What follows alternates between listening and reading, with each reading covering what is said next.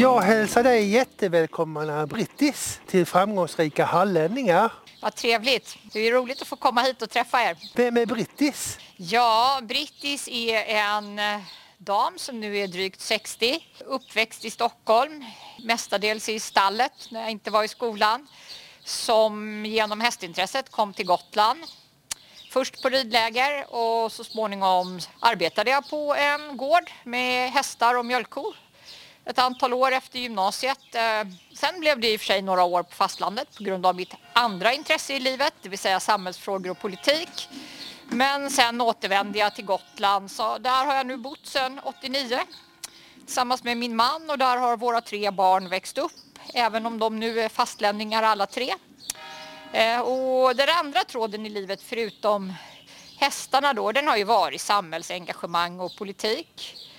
Jag gick med i det parti som numera heter Vänsterpartiet 1977 och har varit aktiv sedan dess och har ju 25 år ungefär då jag tillhört ledningen för Region Gotland som ju har både kommunens och regions uppgifter. Det är alltså inte uppdelat som det är här i Halland att liksom kommunerna har sina frågor och Region Halland har sjukvård utan på Gotland har man alla frågor.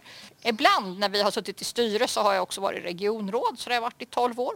Och jag kan väl tro att det är min ganska långa erfarenhet av kommun och regionpolitik som gör att jag fick frågan om jag ville bli landshövding. Hur blir man intresserad av politiken? Jag funderade redan i skolan över rättvisefrågor. Att barn inte hade samma möjligheter. Att det var så himla olika förutsättningar för om man skulle kunna få det bra, för om man skulle kunna uppfylla sina drömmar. Och det förde mig in i politiken. Ni har tre barn. Är det någon av barnen som har blivit politiskt engagerad? Inget av barnen är politiskt engagerad men alla tre barnen är väldigt samhällsengagerade. Och ett brinnande engagemang för att eh, inte bara jag utan alla ska ha det bra. Du är väldigt engagerad i matkulturen i skolor. Väldigt är väl kanske att ta i men Eh, nej, jag, jag har ju under 12 år varit ordförande för den nämnd som ansvarar för förskola och grundskola på Gotland. Och då eh, gjorde vi en del satsningar på att det skulle bli bättre mat i skolan. Höjde anslaget till vad varje portion fick kosta. Såg till att utrusta några nya skolor med tillagningskök och så för att man skulle kunna laga maten på plats. Dels är det viktigt med bra mat i skolan men det är också viktigt att barnen får en vana att äta en varierad kost. Fisk och kött och vegetariska rätter och en del av den svenska mattraditionen. Att skolan har en roll i det också. Du är också engagerad i att få fram halländska kockar. Ja, precis. Jag har ju möjlighet att vara med i, i juryn för den halländska matakademin. Och de har ju ett pris för skolmat, ett pris för mat inom särskilt boende för äldre och ett pris till en ung kock. Och det här var ju en ja, välfungerande organisation som landshövdingen av tradition brukar vara med i och det visade sig ju vara en trevlig tradition att få kliva in i. Du har suttit med i Vänsterpartiets partistyrelse. Vad är det för något man måste ha med sig för att sitta i partistyrelsen tycker du? Dels är det viktigt att ta med sig det här att man behöver kunna lyssna.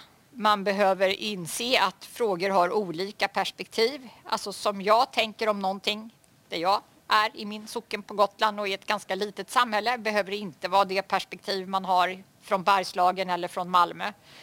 Och att man behöver liksom se att de här olika perspektiven, det ska berika. Det är inte så att det, liksom, det ena ska stå över det andra eller att man gör dem till en motsättning. För att de här olika perspektiven kan ju förstås göra att man betonar olika frågor olika mycket eller att man har ett fokus till exempel om jag säger för bostadsbyggandet eller bostadspolitiken.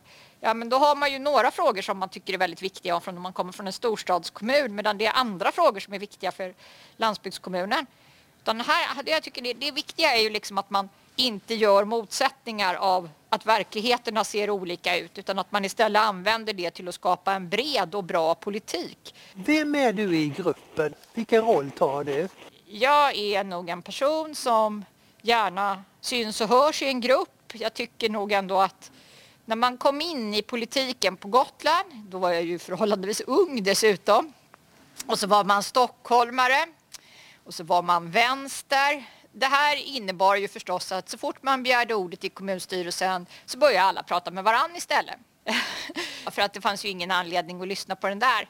Så då har jag nog ändå liksom lärt mig lite grann att utrymme, det är ingenting man får. Det är någonting man tar. Och tycker man att man vill påverka eller bidra eller ja, har en tydlig åsikt, då behöver man se till att man får skaffa sig utrymme och framföra den. Och det kan jag nog ha med mig lite för mycket i en del andra sammanhang ibland, där jag kanske egentligen inte behöver slåss för att ta plats. Utan att jag istället då kanske ibland behöver vara lite bättre på att ta det lugnt, lyssna och vänta in. Hur skiljer sig jobbet som politiker förhållande till landshövding? Hur det skiljer sig mellan att vara landshövding och politiker? Alltså det, dels måste man ju säga att politikerrollen kan se väldigt olika ut. Det finns ju inte liksom en roll. För det första så spelar det ju väldigt stor roll vad du har för möjligheter som politiker i en kommun eller region eller någon annanstans. Om du sitter i majoritet och är med och styr eller om du sitter i opposition. Som opposition så jobbar man ju mycket med att bilda opinion, man försöker lyfta fram frågor man tycker är viktiga. Men man har ju ganska små möjligheter ofta att få bestämma saker. I majoritet har man ju betydligt större möjligheter att bestämma samtidigt som att man ju ändå måste jobba med att samla majoritet för sina förslag. Man måste jobba väldigt hårt med prioriteringar. Pengarna räcker aldrig. Så det gäller alltid att välja mellan olika bra saker. Det är ju inte så att man oftast får välja mellan bra och dåligt utan man får ju välja mellan olika angelägna ändamål.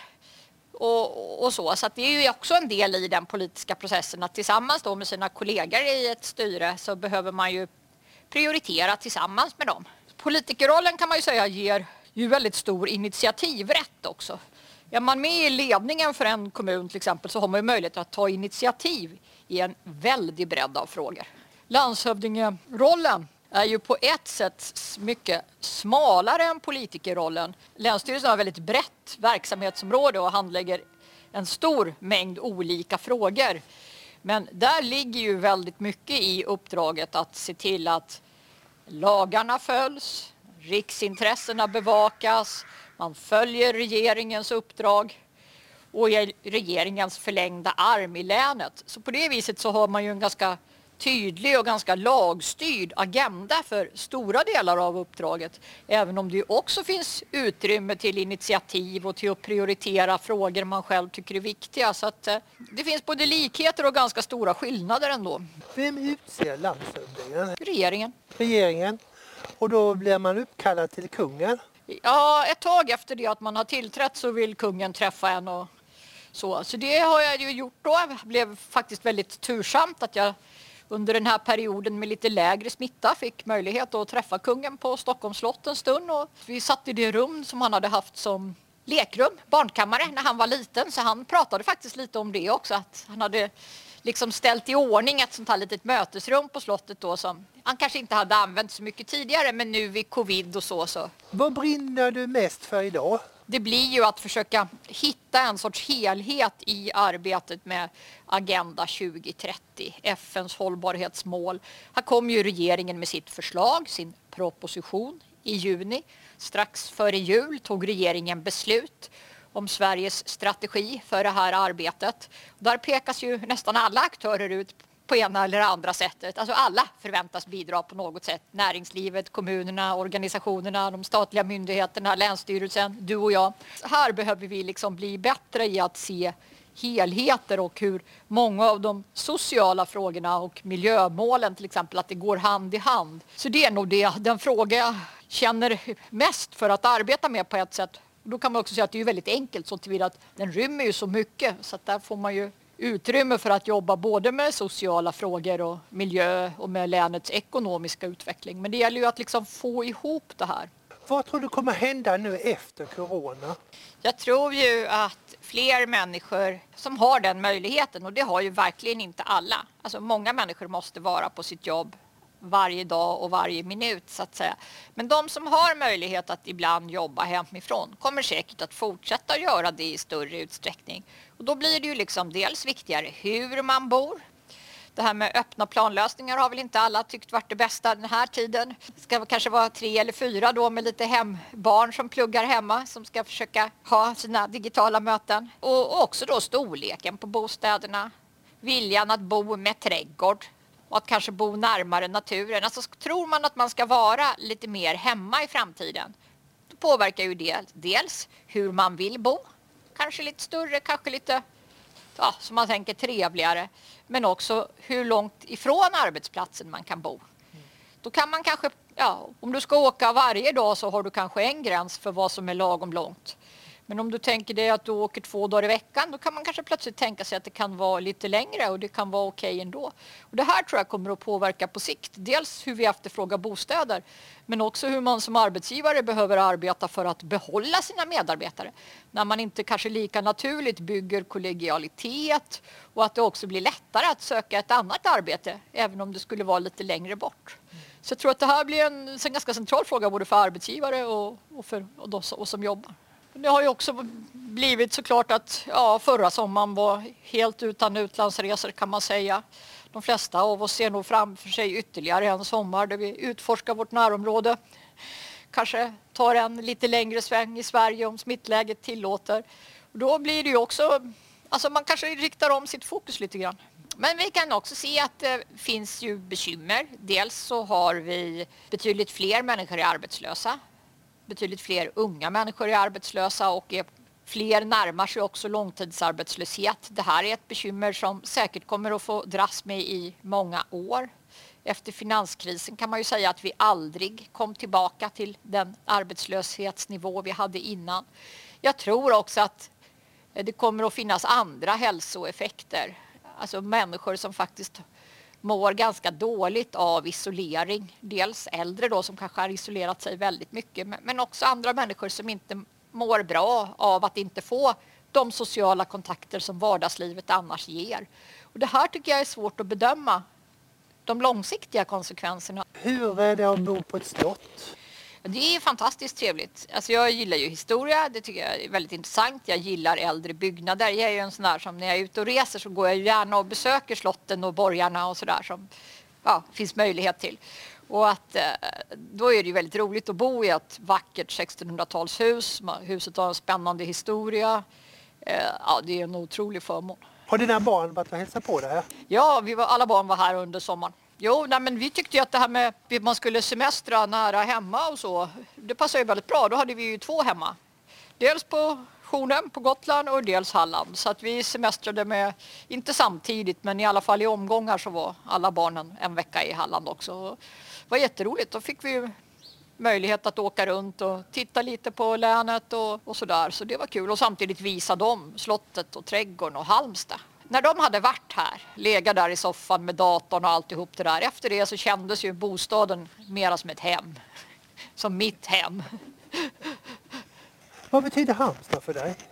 Ja, men det är en plats som jag verkligen har lärt mig gilla för att eh, jag har ju upptäckt stan väldigt mycket i och med att jag Ja, jag är ju här mycket på helgerna, tar långa promenader, ser mig omkring, läser ganska mycket om Halmstad. Jag tycker det är en spännande stad också med sin historia och sen gillar jag verkligen Nissan. Hur ljuset skiftar, hur vattnet skiftar. Varje dag så är det ju liksom en ny vy beroende på dels om vattnet liksom ja, rinner på eller om det kommer in havsvatten som trycker på och så ljuset. Så det, det tycker jag är häftigt. Vad är välbefinnande för dig?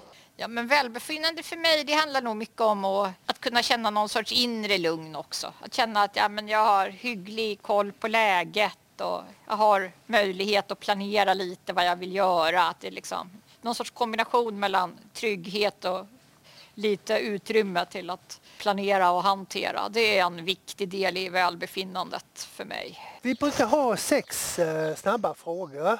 Maldiverna eller New York?